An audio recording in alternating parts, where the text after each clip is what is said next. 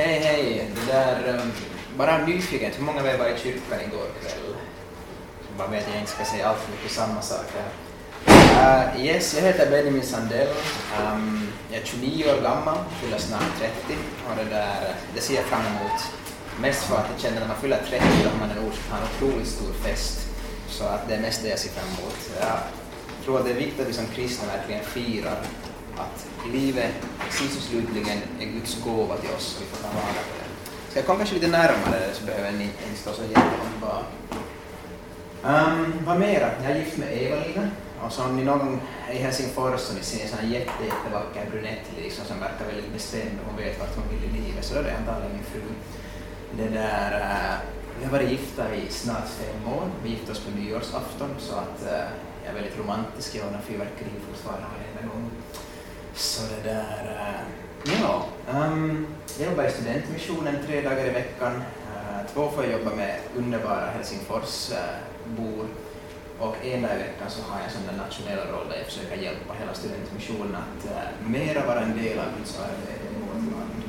Så om ni är på väg att studera småningom så kan jag tipsa om att studentmissionen är en sjukt bra, ett sjukt bra ställe att vara på är ni sista år studerade gymnasiet studerar kanske tipsa om en konferens, Disciple 15 hette den förra året, nästa år är Disciple 16. Och dit är ni också varmt välkomna, kommer att komma in till församlingen senare. Bra, det var ungefär, om inte någon har några frågor så får ni jättegärna, då får ni förstås jättegärna ställa. Vi är en grupp av den storleken, jag skulle jättegärna höra era namn liksom, ska jag säga namn och varifrån ni är liksom, så har jag sådär, sen om jag visst, jag ska försöka komma ihåg namn, jag är inte världens bästa på det. Men det är roligare att kunna säga ett namn än säga hej du där.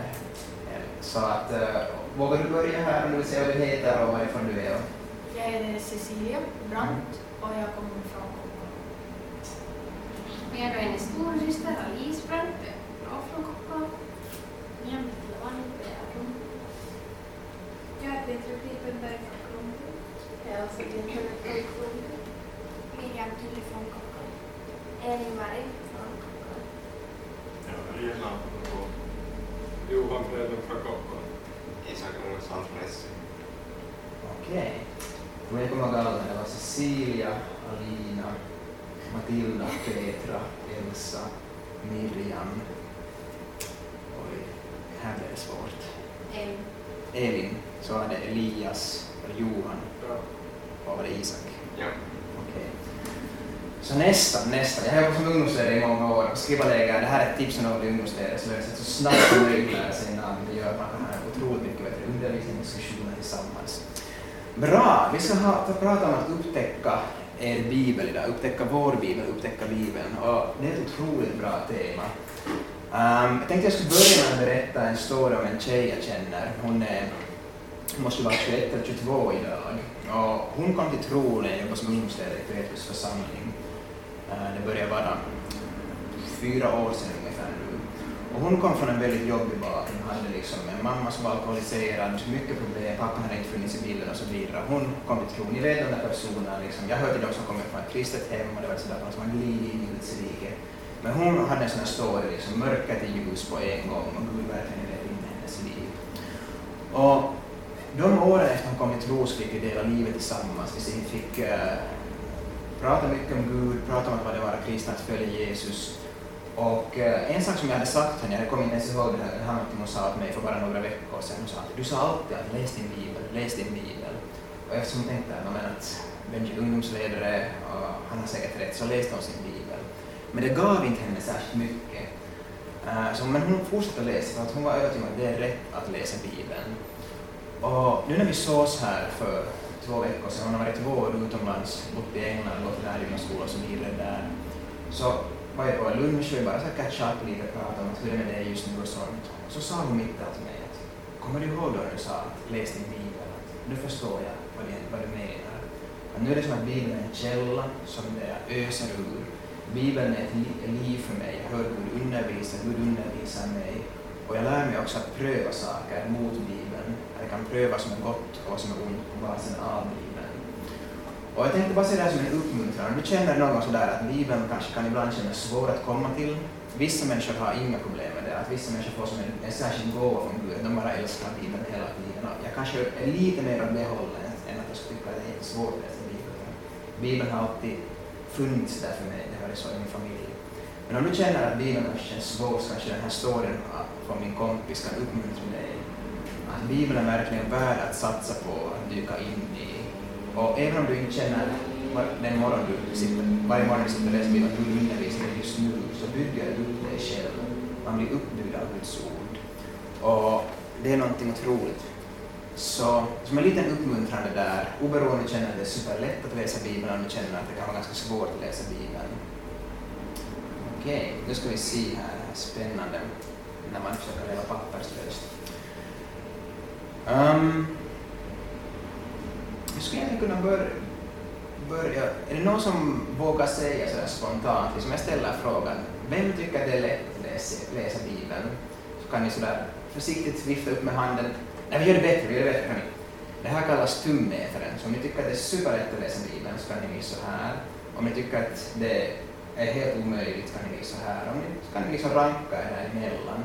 På basen av hur lätt eller hur svårt ni tycker att det är att läsa Bibeln just nu, det kan hända att du har haft fantastiska perioder, det kan hända att svåra perioder, men just nu, och vi kan försöka lite sådär vara ärliga för varandra, ta risken liksom, det är en plats av, där vi alla är kristna, där vi alla har en attityd av att det är en plats av kärlek, så ingen behöver känna att oj nej, nu är jag utpekad. Så om vi sätter knytnäven ut så här, sen när jag till tre så vi alla och liksom ut vårt tumme och så visar vi ungefär att hur det är. Så ett, två, tre. Okej. Mm. Då kan ni titta runt lite sådär. Och jag tycker det är ganska uppmuntrande ofta att se att om det känns som att Bibeln känns svår så är man inte ensam. Och så finns det också vissa som är försiktiga försiktigt på den positiva sidan där, liksom. det känns som det går. Uh, men det är bra, för att det här seminariet handlar om att hur kan vi mera komma in i Bibeln, hur kan Bibeln bli mera tillgänglig för oss? Hur kan vi uh, ha Bibeln med oss i vardagen? Så jag tänkte vi skulle börja med att lite kolla snabbt på vad säger Bibeln om sig själv? Va, vad säger Bibeln om sig själv? Varför är det så viktigt att läsa Bibeln? Ni kanske har hört att ungdomsledare präster säger att läs din bibel, men ibland, så, ibland förklarar de bra varför man ska göra det, ibland kanske det bara blir sådär, alltså, men det är som man gör. Så jag skulle vilja slå upp uh, några bibelställen. Um, jag kommer att dela ut dem så här snabbt, så behöver inte alla slå upp alla, men vi kan göra sådär paris. Hur många har en bibel på telefon eller i pappersform med sig? Om ni upp en hand. Ja. Du får, om ni inte har en så kan ni sätta er sådär paris som ni sitter och det borde gå. Så kan vi ta här, här syskonen Brandt om vi kommer överens så bra. Bra, bra. Om vi slår upp Hebreerbrevet 4.12 så var det Matilda och Petra visst. Om ni slår upp andra Timoteusbrevet 3.16 um, ska vi se. Om du hoppar med Elias där, han ser sådär ensam över där på soffan så det där Nej, det gör det inte alls. Du ser, ser trygg och självsäker. Um, om uh, Miriam och vad det är Elin. Om Miriam och Elin, ni tar Jesaja 40 och vers 8. Och Elias och Elsa har en sån här superutmaning på psalm 19, vers 8 till 12. Så där har ni ganska mycket att bita i. Och, och, och, och det här var dåligt. Jag, jag, har, jag har ett bibelställe för lite. Så det där... Uh, uh, um, ska vi se om jag snabbt hittar ett ställe åt er här. Men för det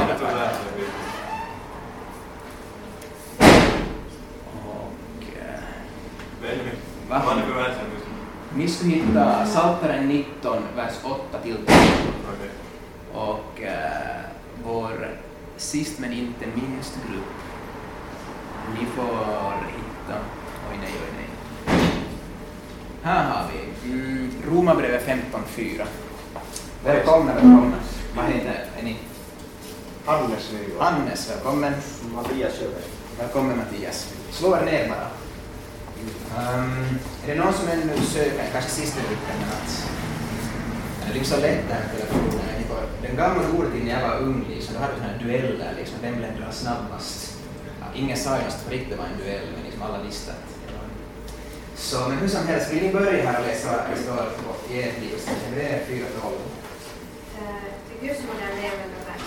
Det skapade något tvekat svärd, tränger igenom så att det skiljer själ och ande. Det är domare över hjärtats uppsåt. Yes. Så det första stället så lär vi oss att Bibeln har en skärpa. Det står att Bibeln är skarpare än något tvegat svärd. Ett tvegat svärd är skarpt. Det genomtränger tills det skiljer över själ och ande. Så Bibeln hämtar skärpa i några liv. Det prövar våra motiv, det avslöjar oss som vi är.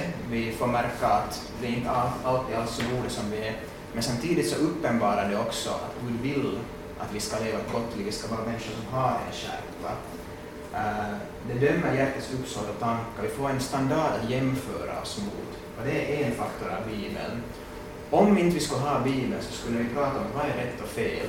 Så skulle det egentligen vara en diskussion som är bara sådär, jag tycker så här, jag tycker så här. Och liksom om någon kommer och själv, jag liksom har köpt en jättegod kaffepåse liksom, och sen kommer jag ut i butiken och så är glad, äntligen ska jag få äta min karki. Och någon kommer och drar den ur handen och bara, hej, det där är inte okej, man får inte stjäla. Så det ses hur. Att eh, förstås vi har lagar och sånt, men sist och slutligen så blir det bara överenskommelser. Men i Bibeln har vi någonting som är, som är Guds uppenbarade sanning, något som är objektivt, något som vi kan pröva våra liv mot. Och det här är en sån tanke för er som gillar att tänka. Men föreställer, vi kan bara tänka tanken att hur svårt det är egentligen att motivera varför någon inte ska göra uh, någon viss handling. Ja, absolut med, man kan säga att finnas lag, ja. Men varför motivera att finnas lag? Försök motivera varför någonting är rätt och fel utan att egentligen ha någonting som är Guds sanning där bakom. Det är ett otroligt filosofiskt problem. Och det problemet har, har man liksom i en värld, där man, om man lever i en värld där man tänker att det inte finns en Gud. Det är en intressant tanke för er som vill att tänka vidare. Andra till Matteusbrevet 3.16. Hela skriften är utan att Gud och.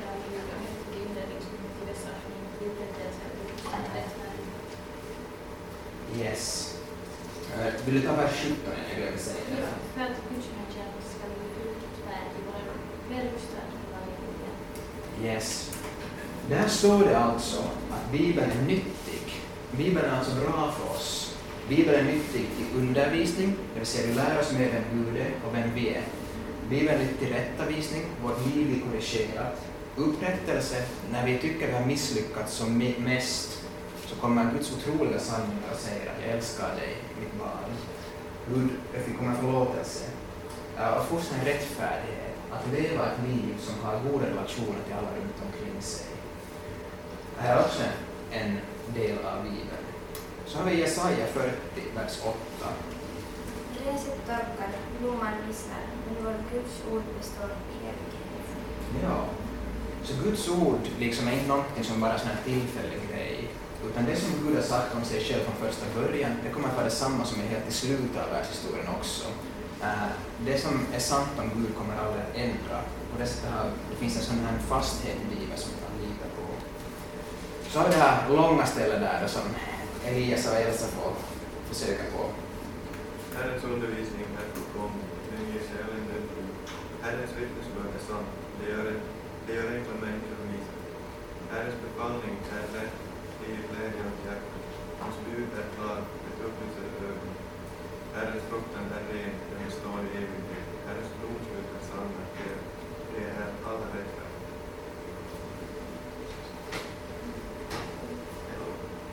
Det är dyrbarare än guld, en mängder av fint guld. Det är sötare än honung, en renaste honung. Genom dem blir din tjänare varnad, den som följer dem som den får studier. Okej. Yes, det var alltså Psaltaren 19, vers 8 12. Ni får jättegärna komma med här och joina gänget, bara ta stol liksom, slå er ner. Får ni säga vad ni heter här? Walter. Hej Walter, välkommen. Hej Hannes, välkommen. Så har vi. Hej Emilia, välkommen. Ta en stol och dig här i ringen eller på soffan där. Om man är frimur kan man lägga sig ner där liksom och verka väldigt casual. Um, bra. I Psaltaren 19 så är det egentligen allt, och det här är en sak som vi ibland glömmer bort, men att djuren faktiskt, de älskar Guds lag. De prisar Gud för att han hade gett Bibeln åt dem, han hade gett skriften åt dem. Och de pratar om att Guds undervisning, Guds vittnesbörd, hans befallning, hans bud, Herrens domar, allt det för en jude var Bibeln, var skriften.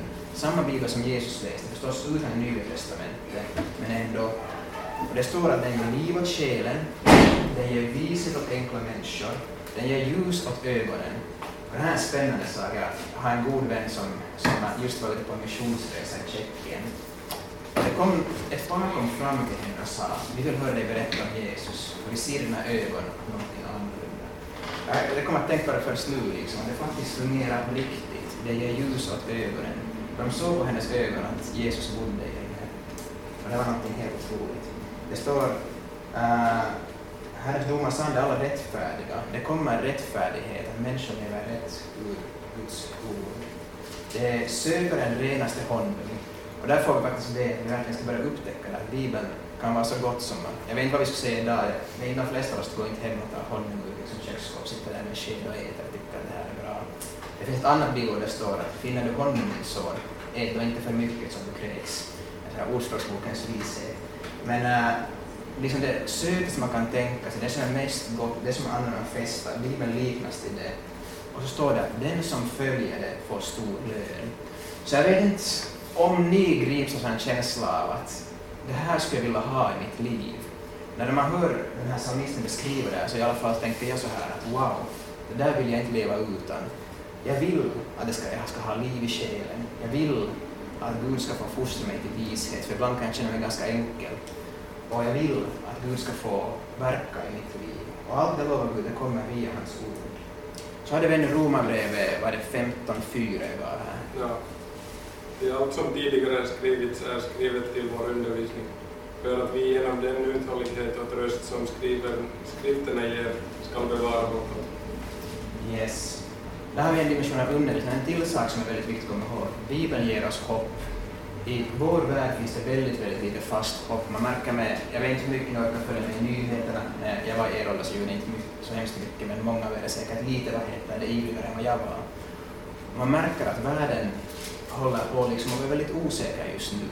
Och människor saknar hopp. Och via Bibeln så kommer det ett hållbart hopp. Eh, det hoppet är Jesus. Men det hoppet kan, kommer till oss via ordet. Så att Bibeln ger oss hopp. Och det är också en otroligt viktig sak. Bibeln undervisar oss konkret. Två saker som har hänt i mitt liv, bara för att jag har läst Bibeln, så är att Gud undervisar mig om givande och han undervisar mig om helande. När man läser Bibeln så har faktiskt Gud chansen att undervisa oss själv. Det står och heter det att den heliga Ande ska själv komma och ta av det som Jesus förhärligar honom. Det står det på ett annat ställe i Johannesbrevet att eh, den helgen ska undervisa oss om allting. Jag kommer ihåg när jag var, jag måste vara kanske 20 då, 21, jag hade just flyttat hemifrån och jag kan berätta en hemlighet för er här, men att när man flyttar hemifrån så då betalar inte mamma och pappa för allting mera. Det här är en stor hemlighet, men nu vet ni det. Elias har säkert provat på det här nyligen. Um, så jag var ganska sådär i ekonomiskt bekymmer och var, i slutet av varje månad så var det sådär att jag, jag hade sådana pinsamma samtal med pappa så sådär bara ”Moi pappa, hur har du haft det?” och så pratar vi lite sådär att ”Ja, jag har lite dåligt pengar nu” och, det är lite sådär, vet ni, cringe-word när man känner att jag har just blivit självständig, äntligen! Jag ska, inte, jag ska klara mig utan mamma och pappa. Och sen i slutet av varje månad sådär no, ”Hej pappa”. Så jag funderade på det här och så en dag så läste jag i Malaki där det står att pröva mig i detta, om ni inte hämtar in ett tion, om ni hämtar in mitt tionde så ska jag inte öppna himlen och mätta era behov. Nu ställer jag fritt för jag skriva upp det här bibelstället, men det står i Malaki. Och så tänkte jag att okej, okay, jag prövar. Jag prövar att ge 10 procent av det jag tjänar och så får jag se vad som händer. Så jag gjorde och så började jag ge 10 procent. Det låter liksom helt knäppt. Vem ska ge bort pengar när man har svårt att få liksom, att ens få ekonomin att gå ihop? Men jag tänkte att jag litar på Gud och litar på att han kommer att ta hand om mig. Så jag började göra det. Och det märkliga var att efter jag började göra det så gick det inte en månad att jag skulle ha för lite pengar. Jag fick alltid ett samtal från något sånt jobb och säga att vi skulle behöva någon som hoppar in här en dag. kan du komma? Så jag sa, ja. Och ibland fick jag så märkliga gåvor, liksom, att mormor hade kommit på att nej, jag tänker nog lite för lite pengar till dig i födelsedagspresent, här får du lite till. Liksom. Så jag bara, va? Vem gör så? Min mormor tydligen. Hur som helst det där, så det var såna massa märkliga saker som hände. Det var en sak som direkt föddes ur Bibeln. Den andra saken som hände var att när jag började läsa evangelierna så gång på gång så stod det ord där det stod att och Jesus kom till den staden och han botade alla i staden. Och jag vet inte om någon har tänkt på det där, men att när Jesus kom in i en stad så gick han igenom den och han gick ut så var alla som kom till honom för att bli botade, blev botade. Det är som helt, liksom, vi, ibland så läser jag bara en sån här liten vers och tänker att det var trevligt Jesus. Men det är lite som att någon kommer in där liksom i riksottan i Kokkola och far ut, var är på andra sidan, och yks, och inte Yxpila utan no, halv, typ. Jag kan koppla säkert geografi så jättebra som jag märker, men att alla som är sjuka ska bli hela på vägen. Det är den bilden evangelisten ger av hur Jesus var. Så började jag fundera att jag har inte sett så där mycket helande. Egentligen kanske jag tänkte sådär att ibland kan sjukdom vara inte Guds vilja och så. Och så började jag läsa i Nya Testamentet, så läste jag om helande och så läste jag att också ställen det står att Jesus säger i Markus 6 till exempel att de ska lägga händerna på de som är sjuka och de ska bli botade. Och nu är det inte så att jag tror att nödvändigtvis kommer att se alla sjukdomar botade och så vidare. Men jag tror att när vi börjar be om saker kommer vi se väldigt mycket mera.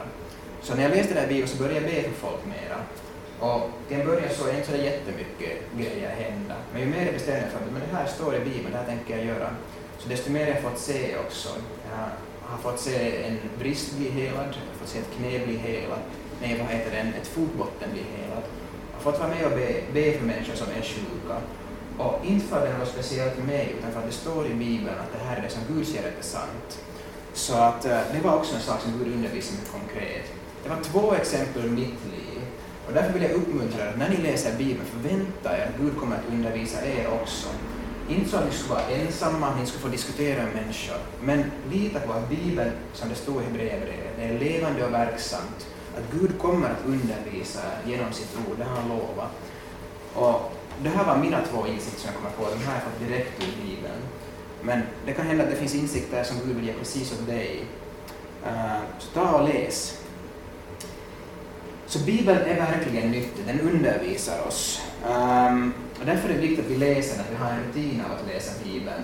Um, Bibeln är lite ibland som att man har en planta liksom, och ska man tänka, man bara vattnar en blomma när man har lust, för här kan ni fråga min fru, hon kan intyga att det här stämmer. Och jag bara vattnar en blomma jag har lust och kommer att tänka på det så dör blommor. Det har hänt ganska ofta i vårt hem och min fru funderat hur det är möjligt. Men det är möjligt, det lovar jag er. Man kan få en blomma att dö. Och på samma sätt är det lite med bibelläsningen, att om vi bara vattnar den dörren, vilket känner vi har lust, lust liksom vattnar vår rutin av att läsa Bibeln, så det är lätt att den torknar och vissnar. Så att det här var också en av de som Gud lärde mig väldigt tidigt när jag för första gången sådär riktigt bestämde mig, nu tänker jag följa Jesus. Det var att varenda morgon ta tid för Bibeln. Och det är inte som att jag är sådär lagiskt, om jag missar en morgon så tänker jag, tänker inte att nej och nej, liksom att nu, nu är det förbi. Utan då gör jag, läser jag på nytt nästa morgon, men att ha en rutin där man flest, de flesta morgnar av sitt liv vaknar upp. Det behöver inte vara morgonen, vissa gör det på kvällen och mitt på dagen, men ha en rutin av att man läser Bibeln. Hur ska Gud annars kunna undervisa genom sitt ord om du inte läser Bibeln? Så. Um, så mycket vill jag säga om det. Men eh, för en del av er kan det kännas som att Bibeln är svår. Att Bibeln, liksom, fast okej okay, jag förstår vad du säger, du har blivit undervisad i Bibeln, det har hänt det här och det här och det här, men när jag kommer till Bibeln så känns det svårt. Så jag tänkte att vi skulle lite också se på vad kan hjälpa en att läsa Bibeln. För att om jag nu bara säger åt er att läs Bibeln, det är bra, det här händer i mitt liv, så kan det lämna en känsla av att wow, men samtidigt, oj, det är liksom inte press på mig. Så jag tänkte att vi också skulle se på några saker som kan hjälpa er. Och till slut Eh, om vi hinner, det tror jag nog vi kommer att hinna, så kommer vi också att göra en liten övning som hjälper oss att få komma igång med att hur kan man till exempel läsa Bibeln. Um, jag skulle säga att Bibeln är lite, vad heter det, kan man säga, som lite som en simbassäng. Uh, det här är en väldigt bra liknelse. Men har ni någon gång varit på en sån här simbassäng, uh, till exempel i ett poolområde, ni vet den ena änden så är det så här jättegrunt, liksom, man ska verkligen inte dyka huvudet för det där för att då slår man upp skallen, det är jobbigt för alla. Och så finns det en annan ända som är väldigt djup. Och jag tror att Bibeln på något sätt är lite som en sån här simbassäng, det finns någonting som är så grunt att vem som helst kan förstå det. Och så finns det sådana saker som är sån djupa änden av bassängen, att det verkligen som, man, man måste kunna simma helt enkelt för att ta sig dit. Och då kan ett bra tips vara att man fokuserar på det man förstår. Det man inte förstår så tar man och frågar upp vidare eller man tänker att det här kommer att förstås förr eller senare. Men lita på att i Bibeln finns det saker som alla kan förstå. Och så finns det saker som Gud kommer att uppenbara med tiden. Jag kommer inte ihåg, eftersom som jag är teolog och eftersom en av de naturliga gåvorna Gud har gett mig, jag har alltid tyckt om Bibeln, så kommer jag inte ihåg hur många gånger jag har läst Bibeln. Men det händer inte en gång att jag ska läsa Bibeln och inte tycker jag får någonting nytt där. Texter blir inte gamla, utan man märker att det finns mer djup bakom dem. Uh, men för att lite navigera, för att veta i vilken ända av bassängen man är där, så är det bra att lite ha sådana här alltså, milstolpar som hjälper en i ens bibelläsning. Um, I Bibeln finns det faktiskt saker som hjälper en att tolka. Hur många av er har läst Harry Potter eller sett filmer? Börjar det liksom, börjar bli out med Harry Potter? Ja, nej. Vad, vad läser ni nu för tiden? Sådär? Berätta en bra bok ni har läst. Vill någon slänga ut en kommentar? eller en Youtube-video då det känns som det här att läsa det är överskattat.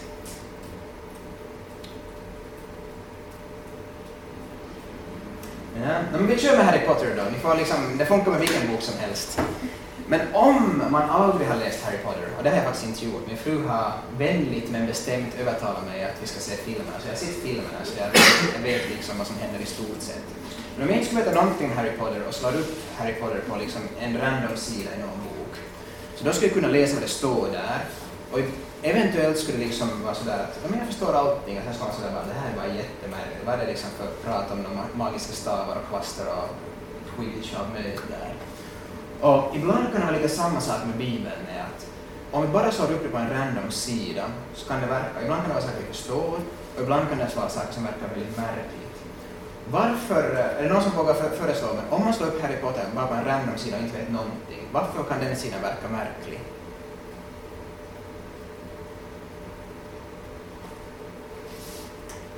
Någon som vågar? I bara Harry Potter eller i böcker överallt? I böcker överallt. Vi tänker, du kommer till en bok du inte vet någonting om, du slår bara upp en sida. Man inte vet, början. Ursäkta? Man vet, man vet inte början. Man vet inte början, nej. Och man vet antagligen inte...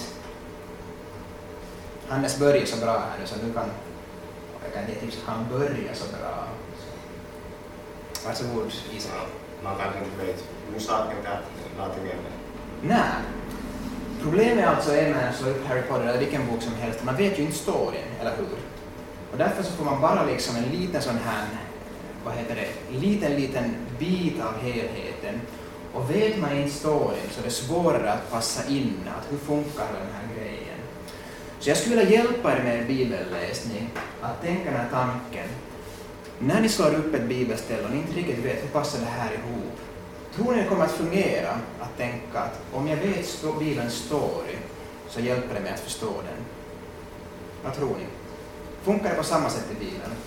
I Harry Potter så är vi alltid överens om att vet man hur den börjar, vet man hur den slutar, vet man hur ungefär storyn går och slår upp en bok mitt i så är man mer liksom sådär på det klara vad som händer. Men funkar det samma med Bibeln?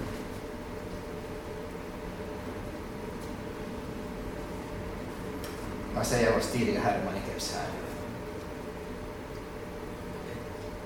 Ja, det är ett bra svar. Det är väldigt ärligt. Um, någon annan? Det här är jobbigt man bor i Helsingfors. Vi gillar att diskutera liksom, och sådär, dra saker ur människor. Och vi har inte alls liksom, den här fina kulturen att dricka jordgubbsmocka och vara tysta. Det där, så att, uh, nu får ni liksom lite jobba med mig här. Hur är det med Petra? Vad tror du? Ja. Ja.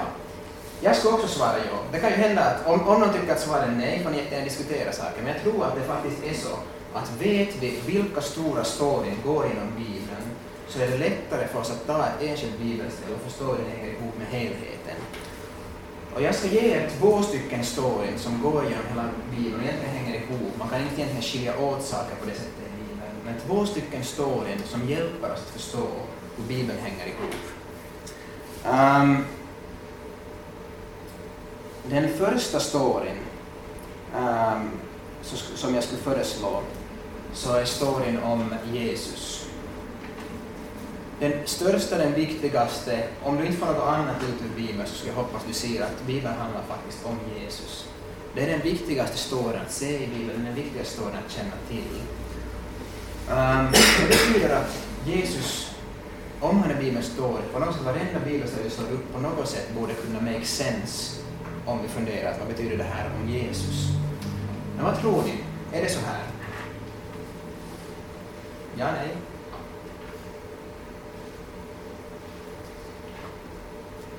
Jag kan ge sådana tips att oftast är rätt svar alltid Jesus. Det är liksom ett bra tips. Om, om, om ni så här sovit på en skriftskollektion, en hjälpmedelslektion, och så frågar vad är svaret? Bara Jesus. Och då är det sådär liksom åtminstone 50-50 chans att prästen kommer att säga Ja, no, förstås, det är det ju så att Jesus är, rimligt, liksom relevant för allting. Liksom. Så, bra tips här. Men äh, det är faktiskt så. Um, hur många av er har hört berättelsen om Emmausvandrarna? Om jag säger Emmausvandrarna, så om ni ska vara superklara ni sträcker på er så högt ni bara kan nu. Liksom. Emmausvandrarna, Jag kommer inte be- berätta om det, så det här är så helt riskfritt. Jag sträcker på er bara för skojs skull. Uh, Emmausvandrarna är en berättelse som finns i Matteus evangeliet, Eh, nej förlåt, i Lukas evangeliet kapitel 24. Det är efter att Jesus dött och lärjungarna är sådär bara, vad hände här riktigt? Hur gick det här till? Och så står det att två av dem var på väg till en stad som heter Emmaus. Och det fanns inte så mycket till taxi då som man vandrade, därför Emmaus-vandrarna. Väldigt logiskt. Och det som händer där är att medan de går och funderar, hur kunde det gå så här? Vi hade hoppats att Jesus skulle vara Messias, vi hade hoppats att han skulle vara den som skulle rädda Israel. Och så går de på vägen och funderar, att hur gick det till så här? Så dyker Jesus mitt i allt upp, men han är sådär lite sneaky Jesus den här gången. Han har dolt sig så de vet inte vem han är. Och så dyker han upp och så sådär bara, ja, vad pratar ni om? Och så sådär bara att, är du, är, du, är du den enda som inte har hört vad som har hänt? Och jag vet inte varför Jesus säger sig sådär, nej, ah, vadå? Så han, sådär, han, han vet ju förstås själv om man kan säga att han, han kanske är med om saken. Men det där, han säger vadå? Och de förklarar då hela grejen. Efter att man förklarat så säger Jesus någonting. Här är det jag skulle vilja plocka fram då den här tanken. Lukas 24, äh, eh, vers 25-27 om någon vill läsa det.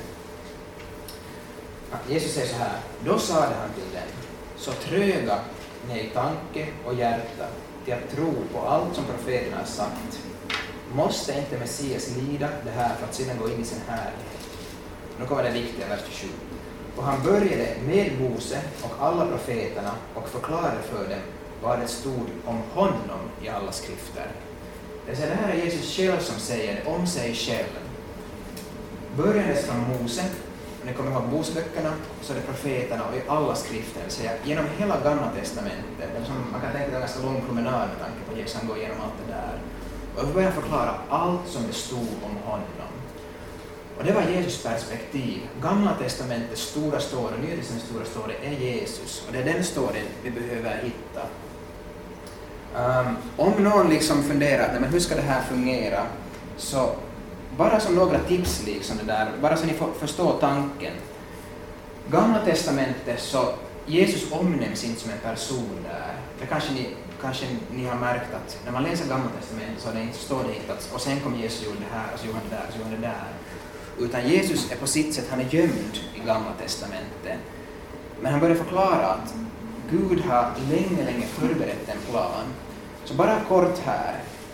Om ni tänker till exempel Andra Moseboken, där är Jesus påskalamm, han är den som blir slaktad för Israels synder. Tredje Moseboken, Jesus översteprästen. Fjärde så har han molnstoden och elden, Israel följde en molnstod. I femte Moseboken här står det att det ska komma en profet som är lik Moses. Och i sjätte, äh, inte sjätte Moseboken, Josa, så han frälsningens höjning, Så fortsätter det igenom. Och i varenda bok så finns det ett sätt att se att storyn egentligen handlar om Jesus.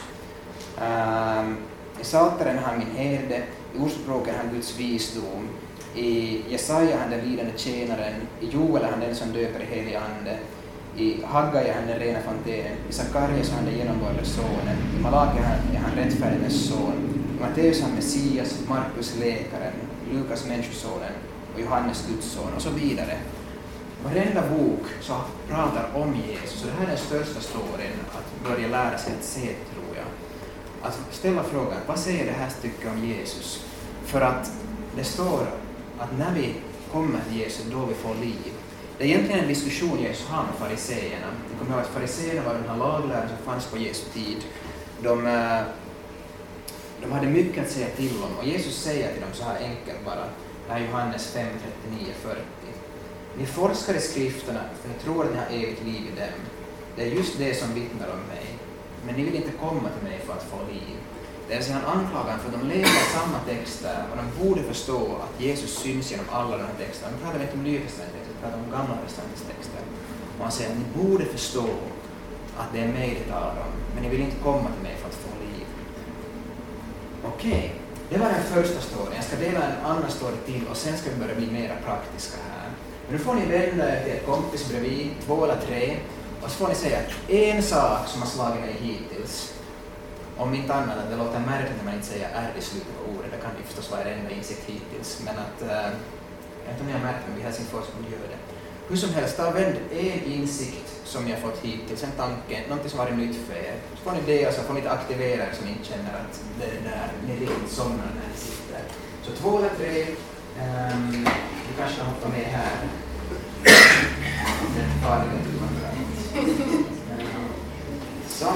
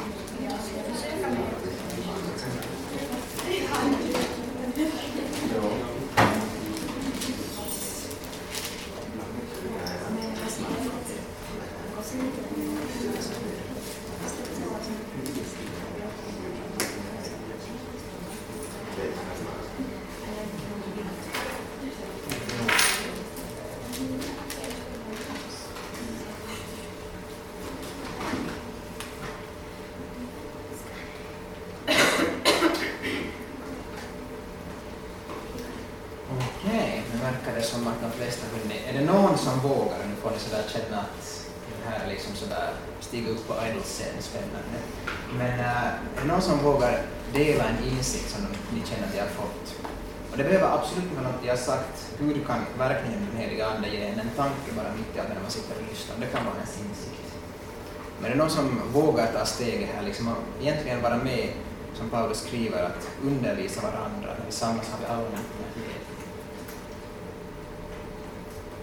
När du sa det, att det är en gumma, att man måste vattna och göra det, inte bara det känns bra. Så det var något som jag inte tänkt på. Kan ge en applåd, jag tycker det här var Ja, mod- Modigt att Matilda var första. Är det någon som vågar nu nu när Matilda har öppnat spelet här och man får dela fritt? Varsågod. Att Bibeln är så pass simpel ändå. Det- känns alltid när man skriver att det är så jättemycket storyn och alla de böckerna är så mycket. Ja. Men det är ganska simpel egentligen. Eller det handlar ju allting om en sak. Ja. Yes. Bra. Och ja, vi ger en applåd. Absolut. Jag glömmer alltid bort när man ska applådera. Okej, det står i Bibeln, det är egentligen helt taget i sammanhang, så det här är ett exempel man inte får använda Bibeln, men det står att två eller tre ska tala, så att är det någon som vågar vara tredje? Vi har haft två modiga tjejer så känner vi att vi höra en sån där manlig röst här nu liksom som klämmer i. Vill du vara vår manliga röst? Jag? Ja. Jag måste han? Jag har inte riktigt. Nej, det är Det var tre i. Mm. Hur är det med Johan? Jag inte heller. Det kommer kanske en. Det där, då kör vi på två, det var två eller tre, så det var tur att vi, vi kan nöja oss med två också. Bra! Eller vill någon säga någonting? Nej, jag vågar knappt hosta snart mer. Okej, okay så den första storyn är alltså Jesus. Om någon vill ha, jag hittade en jättehärlig Excel-fil på, på webben där det faktiskt finns sammanfattat en lista med bibelställen i varenda bok i bibeln där man kan slå upp och hitta vad säger den boken om Jesus. Ett väldigt bra sätt att börja om man vill studera. Det finns faktiskt Jesus genom hela bibeln. En annan bok, så, jag vet inte om någon av er har hört om Leif Norman, han kommer att ta på ungdomsmötet ikväll. Han har skrivit en bok som heter Bibelns röda tråd. Den handlar just om det här. Så det var den första storyn. Den andra storyn så hör jättenära ihop med den första storyn. Men om den första storyn är om Jesus, så finns det en annan story som går genom hela Bibeln som är väldigt viktig för oss också. För den talar egentligen om vem vi är. Den svarar på frågan, vem är jag som människa? Oberoende vem man är i världen så tror jag inte det finns någon människa som i något, som i något skede inte skulle ställa frågan, vem är jag och vad ska jag göra i mitt liv? De två frågorna. Um, om ni känner att ni har ställt de frågorna någon gång, liksom sådär själva så känner att fri upp en hand här. Jag har definitivt ställt de frågorna. Vem är jag och vad ska jag göra i mitt liv? Det är frågor som berör oss alla. Och de frågorna är också en av Bibelns stora storyn. Det vill säga, att vad säger Bibeln om mig och vad säger den om hur jag ska leva mitt liv? Um, kan vi slå upp tillsammans Första Moseboken, kapitel 1 och vers 27.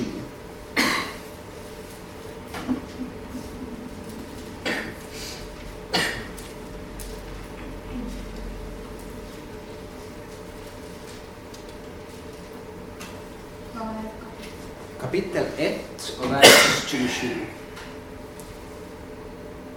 Äh, eh, vers 27 till eh, äh, 28 faktiskt. Okej. Okay.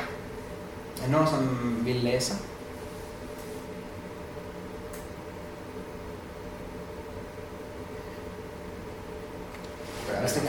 Bra. Visst var det Hannes? Ja. Tack ska du ha. Och Gud skapade människan till sin avbild. Till Guds avbild skapade han henne, till man och kvinna skapade han dem. Det var så här, Hur långt ska jag? Ja, Du kan ta nästa vers också. Gud välsignade dem och sade till dem, var fruktsamma och föröka er och uppfyll jorden. Lägg den under er och råd över fiskarna, i havet över fåglarna, under himlen, över alla djur som rör sig på jorden. Yes. Kan vi, ska vi ge en applåd till Hannes? tycker ni? Vi kör bara. Bra. Tack ska du ha. Bra. Nu kommer här ett sådant stort påstående som ni jättegärna får ta fasta på och komma och diskutera om ni tycker det inte stämmer. Men jag skulle säga att svaret på de mest viktiga frågorna vad det gäller att vara människa hittar man redan i Bibelns tre första kapitel. Det här är mitt stora påstående. Om ni känner att det där stämmer garanterat inte så vill jag jättegärna ha den diskussionen. Så nu försöker jag lite provocera här. Uh, men i de här två verserna hittar vi svaret på två fr- frågorna. Att, att vem är jag och vad ska jag göra med mitt liv? Nu tänker jag inte säga vad svaren är, utan nu har ni alla just hört Hannes läsning, jag sett. Och nu vill jag höra från er. Vad är svaret utifrån de här två verserna på frågan vem är jag och vad ska jag göra med mitt liv?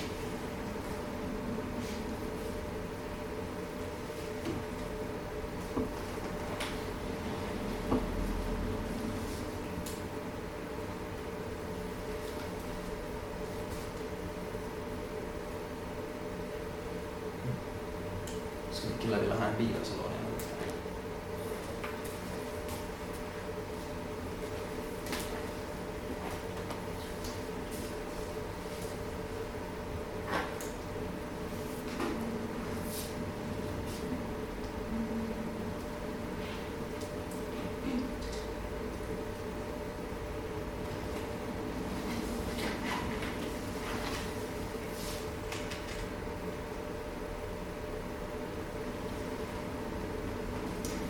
Okej. Är det någon som känner att de skulle våga sig på ett eh, svar?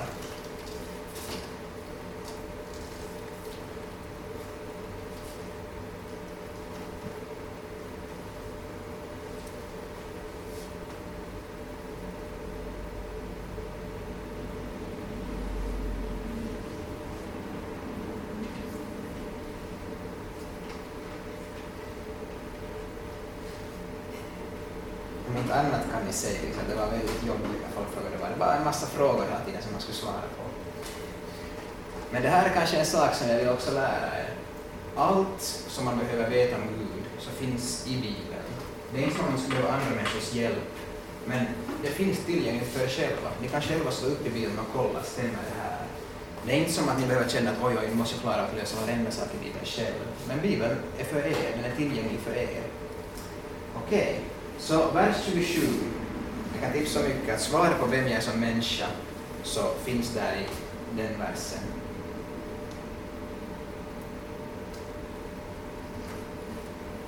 Varsågod, det ser ut som du har någonting på, på sådär tungspetsen. Ja, äh, Guds avbild. Ja. Så skulle jag också säga. Hur många håller med om att svaret är Guds avbild? Så ni menar att ni alla har suttit här och haft svaret och ingen har sagt det? Ja, det här var väldigt oartigt. Det där, äh, ja, jag skulle säga att svar är Guds avbild. Där hittar man det. Om man läser vad heter vad Gud skapat till, han skapas för att vara gemenskap. Det står några verser senare att Gud vandrar med människan i livsgården. De lever i ett nära förhållande. vi blev skapade lika Gud, till Guds avbild. Så när vi ställer frågan vem är jag som människa, så är det första svaret Bibeln ger är att du är skapad till Guds avbild. Gud är god, Gud är kärlek, det vill säga när du skapar ens avbild så kallar du att, att vara en, en skapelse av godhet och av kärlek. Nu vet vi förstås att syndafallet kommer emellan och ställer till det. Men det tar inte bort Guds ursprungliga plan att skapa människan sin avbild, att svara frågan vem är du? Göra då? Vad är vi kallade att göra? Vers 28.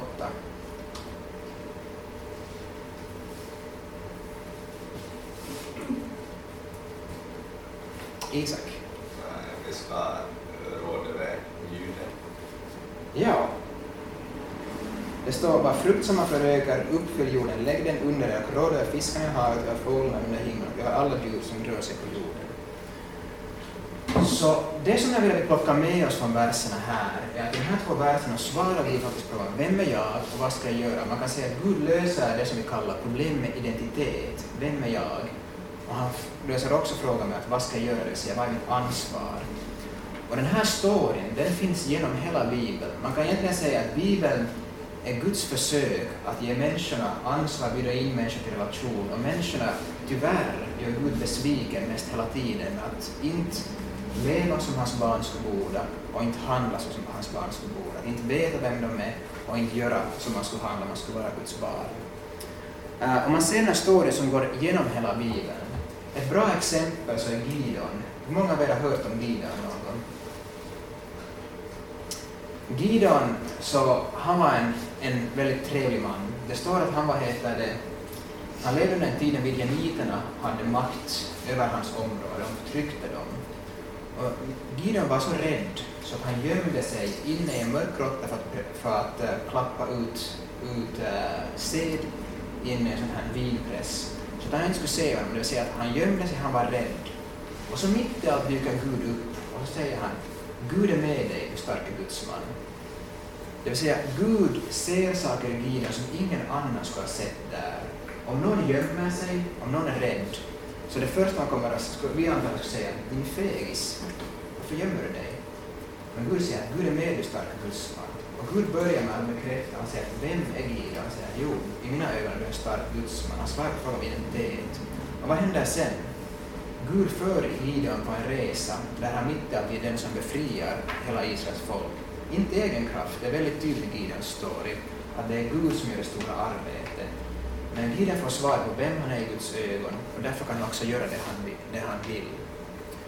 I Jesus ser man det här att han vet vem han är, han vet att han är älskad av Fadern och därför säger han också gör bara Faderns vilja. Och den här identiteten och uppdraget finns där med hela tiden. I slutet av Bibeln, och nu gör jag det här ganska snabbt eftersom vi ska hinna med övning också. I slutet av Bibeln så står det i Uppenbarelseboken, Där kan jag faktiskt slå upp så att ni får bläddra till Uppenbarelseboken. Och eh, men du kan hålla, hålla där så jag klickar fram på den här pärmen.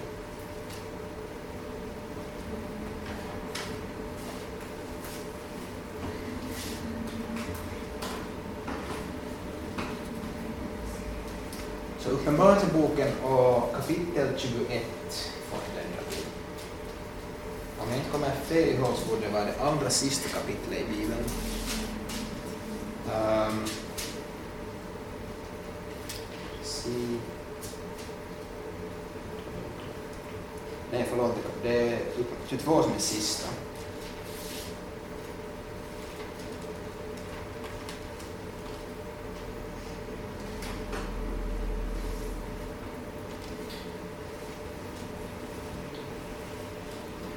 Okej, vi börjar kapitel 21, där från vers 22 framåt. Är det någon som vill läsa?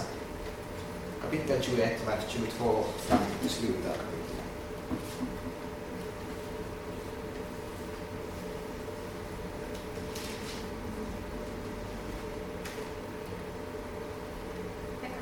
Ja, tack ska du ha. Något tempel såg inte i staden, till Herren Guden allsmäktige och lammet är dess. Staden behöver inte ljus härlighet lyser och dess ljus är. Och folken ska vandra i dess ljus, och jordens kungar ska föra in sin härlighet i det.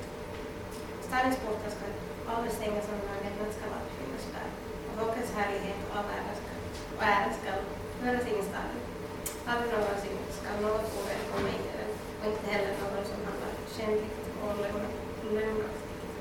Utan endast det som är skrivet, det som är skrivet i. Är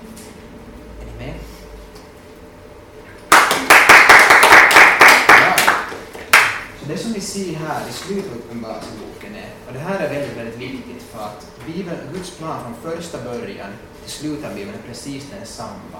Att det ska finnas en jord som Gud kan säga att allting är gott. Och så står det, vad heter det här, i slutet av kapitel 21, står det att det finns inget tempel mer. ty Herren Gud den allsmäktige lammet är dess tempel. Det vill säga att Gud finns mitt ibland människorna.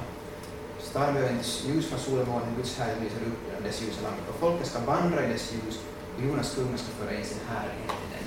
Det vill säga människan lever igen med Gud tillsammans i gemenskap. Och människan vet vem vi är. Vi vet att vi är Guds söner och döttrar. Um, men inte ens då försvinner den här ansvarsdimensionen någonstans. Utan Gud längtar efter att vi ska vara en del i att hans kärleksfulla styre sprids. Så vi får vända till kapitel 22, så nästa sida. Och eh, så kan vi läsa från vers 4 till vers, eh, vers 4 och 5. Är det någon som vill läsa?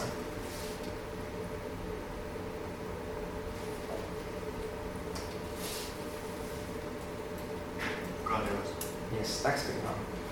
Det ska se hans ansikte och hans namn ska stå skrivet på deras pannor.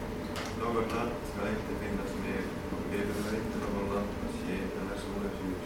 Ty Herren Gud ska lysa över dem och de ska regera som kungar i evighetens evighet. Okej. Är det någon som tycker att det här med att de ska regera som kungar i evighetens evigheter låter, låter lite märkligt nästan? Jag kommer ihåg att när jag läste det första så tyckte jag det lät jättemärkligt. För jag hade på något sätt tänkt att Guds enda intresse är bara att ge mig nåd, att jag ska vara i hans närhet. Och inte tänkt att han vill att jag ska aktivera mig och också vara en del av hans arbete. Men där säger faktiskt Gud, han säger inte att jag kommer att regera som kung och ni alla kommer att, kommer att tillbe mig. Det kommer också att vara sant. Han säger att, och sen får ni regera tillsammans med som kungar. Nu kan det hända att ordet regera som får oss att tänka att det där låter märkligt. För regera är inte ett positivt ord egentligen. Där om jag kommer säga att nu tänkte jag regera över det här stället, så det är sällan liksom så att folk tänker bara oh, det låter jättebra, utan det låter som ett negativt ord. Men vad det egentligen handlar om är att vi blir en del av att det som är Guds vilja sker. Vi är en del av att hans kungarike kommer i all sin fullhet. Och det här är den story som jag vill bara att ni gärna kan se i Bibeln. Och den första storyn var att det handlar om Jesus. Den andra storyn är att det handlar också om vem vi är som människor och vad Gud ger oss för ansvar. När man läser Nya Testamentet, och speciellt Paulus brev, ser man att det är fullt av det här. Romarbrevet 8 till exempel, så skriver Paulus att vi har inte fått slaveriets ande, utan barnaskapets ande. Så jag svarar på frågan, vem är vi? I vilken vi ropar Abba, Fader, för vi vet om Gud är vår pappa. Och det är de två storyna, och de hänger faktiskt ihop. För vår identitet, den kommer bara genom Jesus. Om inte den här första storyn finns i Bibeln, så är den andra storyn egentligen meningslös. För då finns synden fortfarande mellan oss och Gud. Men finns den första storyn med Jesus som är vårt påskalamm, Jesus är den som lider för vår skull, Jesus är den som kommer att vara kung. Så mitt i allt så märker vi att vår story om vem vi är och vad Gud vill att vi ska göra med våra liv blir en del av Jesus story. Det vill säga, genom Jesus så får vi söners rätt kan Paulus skriva. Och på det här sättet hänger de två storyna ihop. Nu vet jag inte om det här kommer att hjälpa er alls. Min förhoppning är att det här ska hjälpa er. Ni slår upp Bibeln på vilken sida som helst och ser att det är den här storyn som öppnar sig. Storyn om hur Jesus söker ett förlorat människosläkte och storyn om hur vi också svarar på frågan vem är jag som människa och vad ska jag göra med mitt liv? Så, bra. Nu får ni ta igen en sån här snabb tåg när ni vänder er, en stund när ni vänder er till den som sitter bredvid och delar en insikt jag har fått så här långt. Thank you.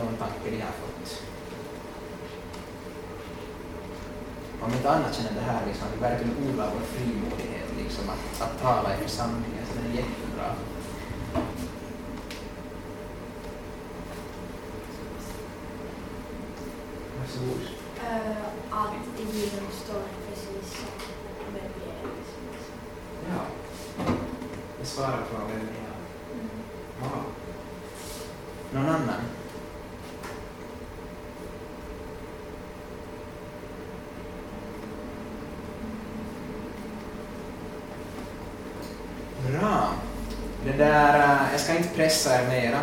Ni kanske alltid kommer ihåg den här jobbiga killen från Helsingfors som bara ställer frågor. Det stör mig inte. Hörni, vi ska gå vidare till någonting. Någon av er kanske sitter här.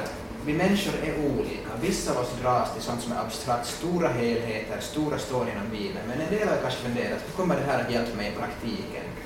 Och den sista tiden vi har kvar ska vi försöka göra en övning som lite hjälper oss. Hur kan man mer praktiskt läsa Bibeln på ett sätt som gör att man den undervisar mera och att man hittar kanske de här storyna. Så äh, det ska vi gå till till näst. Äh, vi kommer att hoppa ner till lite frågor och svar där till slutet. Om någon har några frågor så försök hålla kvar den. Men äh, jag ska lära er en väldigt enkel tanke om ehm, hur man kan läsa sin bibel. Den här, vissa kallar det för induktiv, bibelstuderande. Jag brukar inte kalla det, jag brukar kalla det läsa sin bibel smart. Det, men man kan kalla det induktiv, induktiv bibelstudie om man vill. Och en induktiv bibelstudie har tre olika här faser. Det har observation, tolkning och tillämpning. Det låter jättemycket bättre på engelska. Observation, uh, interpretation och application. Att tolkning och tillämpning känns lite märkligt. Men vi kör med observation, tolkning och tillämpning. Och här, vi ska just göra en övning så jag går bara snabbt igenom de här. Visst har jag tid till kvart för alltså? Ja, bra. Så. Det första när man gör observationen så man kommer i texten, att komma ihåg att det, det står i Bibeln att det är ordet och anden som lovar att vi kommer att kunna se frukt i vårt liv som att Gud får undervisa oss. Det är inte ordet i sig utan anden kommer uppenbara ordet. Så be Gud ska öppna det. Ställ rätt frågor.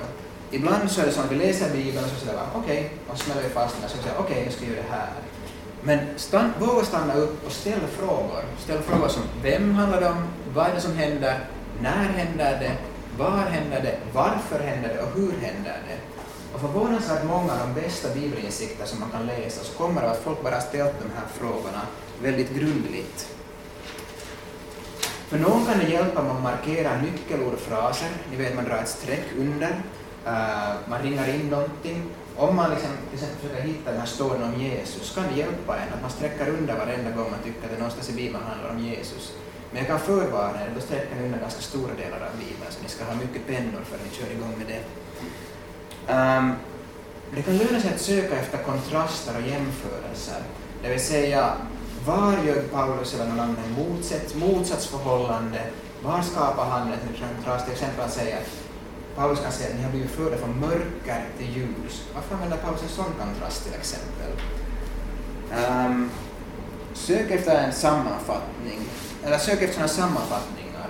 Paulus börjar ofta med att säga att därför, då vet man att om någon säger därför så betyder det att han har kommit fram till någonting, han argumenterar en poäng. Och står det därför, står det om nu, eller står det sen, så betyder det att det förklarar att nu händer någonting till näst. Um, och så kan man till sig ställa fråga, vad är hela kapitlets budskap? Det här kan man göra hur grundligt eller hur snabbt som man vill, men eh, här är ett exempel på någon som verkligen liksom har gått in i det och satsat på att här sträcker under allt, liksom, olika färger, men det lönar sig faktiskt att studera och verkligen lyfta fram saker. Så, bra.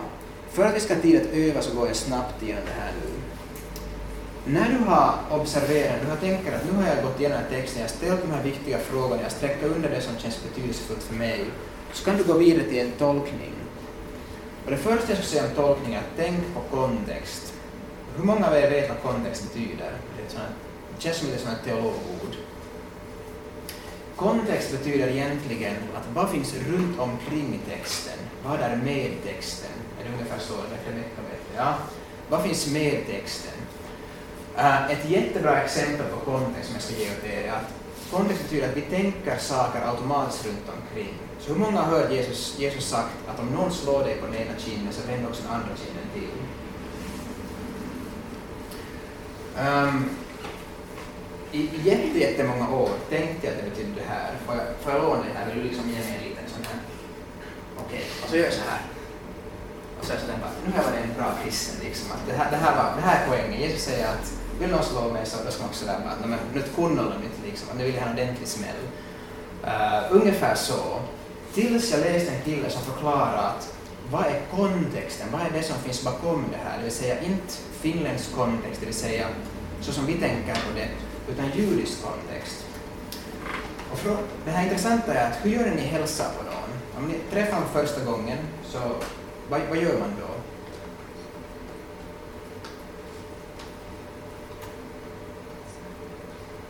Man sträcker fram en hand, eller hur? Så, jag vet han. Hej, hej. Och det där, och det gjorde inte judarna. Det här är något som har kommit liksom från medeltiden, från riddare som ville visa att jag har ingenting med hand, jag kommer i fred. Men judarna gjorde inte det, utan sätter de hälsa varandra. Om någon är sådär klipp, klipsk och kvicktänkt så kanske de kommer på det. Hur hälsar judar på varandra? Vi sträcker inte fram handen, handen är ett förslag. Shalom. Shalom, ja, de sa shalom, och så gjorde något med kroppen också. Som har att göra med vad Jesus just sa.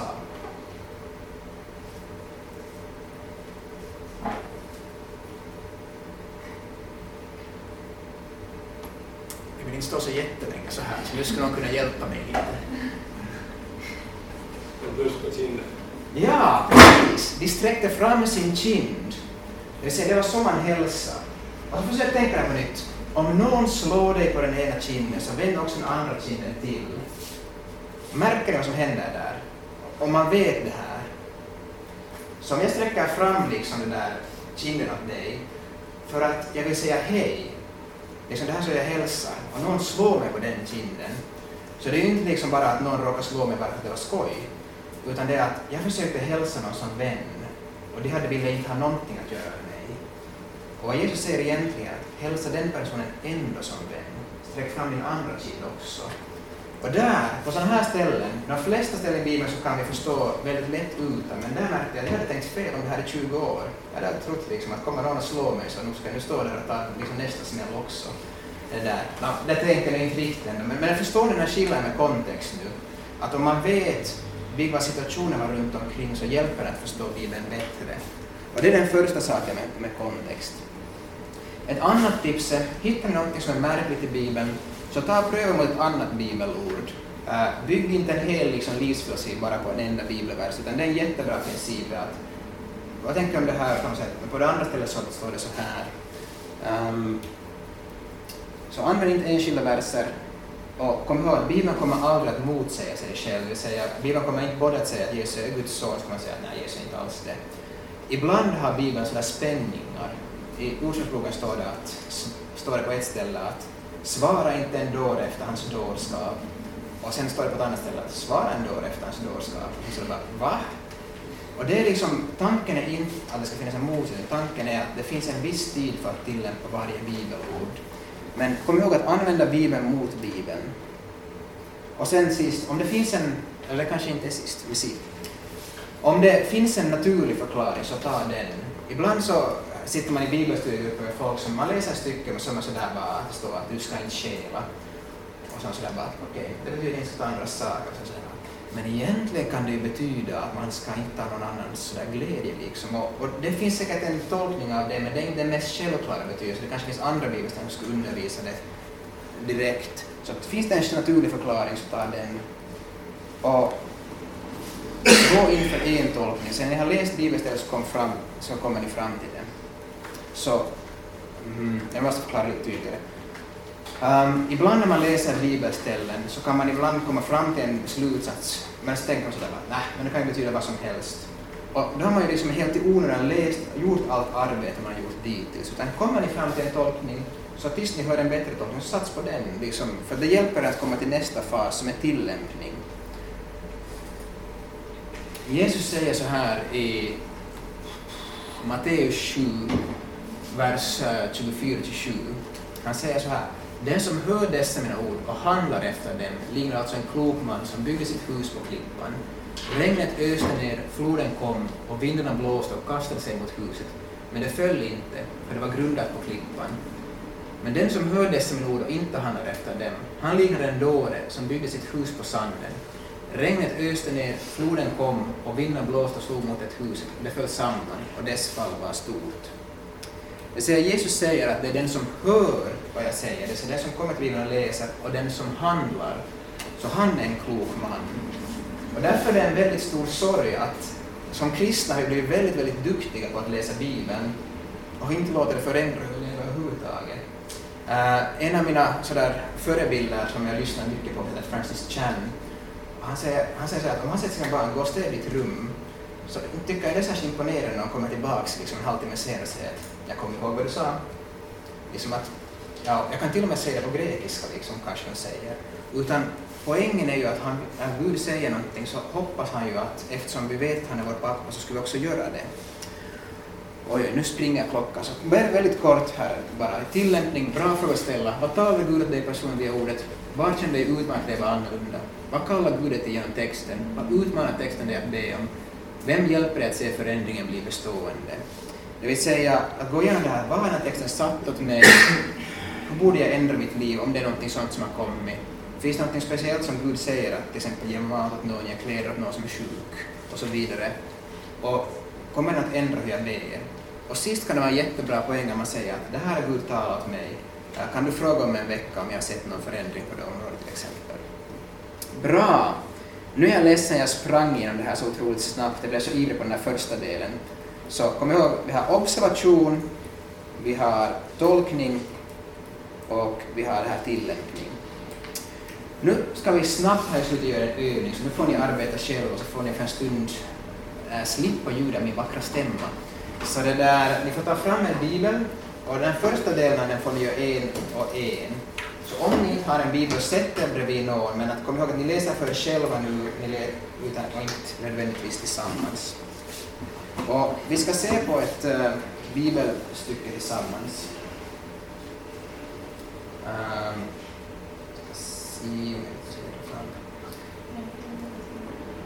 har alla nu så vi kan, vi kan se en bibel till behov? Ja, telefon räcker bra. Har, man kan få låna min telefon om inte har Du måste gå, ja. Okej, okay. roligt du kom. Vi kommer att läsa Matteus 4. Och eh, eftersom vi inte har så mycket tid så läser vi verserna 18 till 25. Och det får ni först göra på egen hand. Vi tar ungefär eh, sju minuter för det. får ni läsa. Och... Eh, Vad finns med?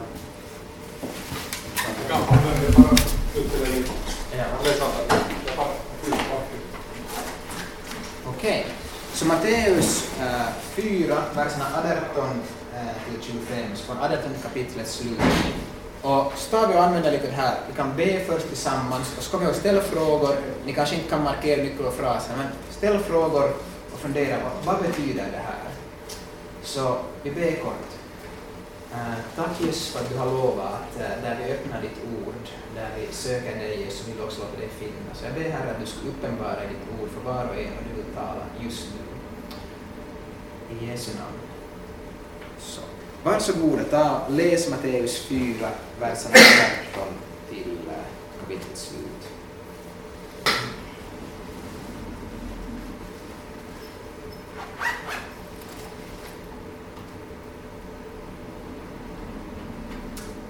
Nå, om inte så måste jag säga att jag hoppas någon har blivit uppmuntrad. Jag tror att Gud vill undervisa er genom sitt ord.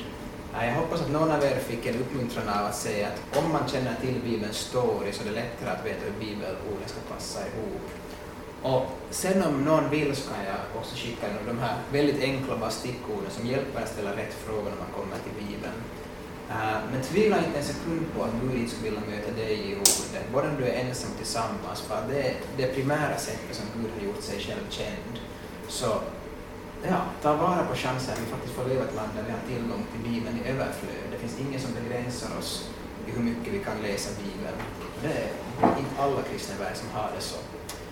Um, jag vill ge lite, lite utrymme om någon har någon fråga, nu någonting som blev oklart under hela så får, har vi några minuter här. Om någon vill ställa en fråga som det där kom upp i något av det jag sa så försöker jag jättegärna svara. Annars får man kontakt med mig antingen på Facebook, heter på Benjamin Sandell, eller på Twitter och Instagram på Benji Sand. Så det får man jättegärna ta och ställa frågor där också. Men någon som har en fråga nu som vi vill fundera på?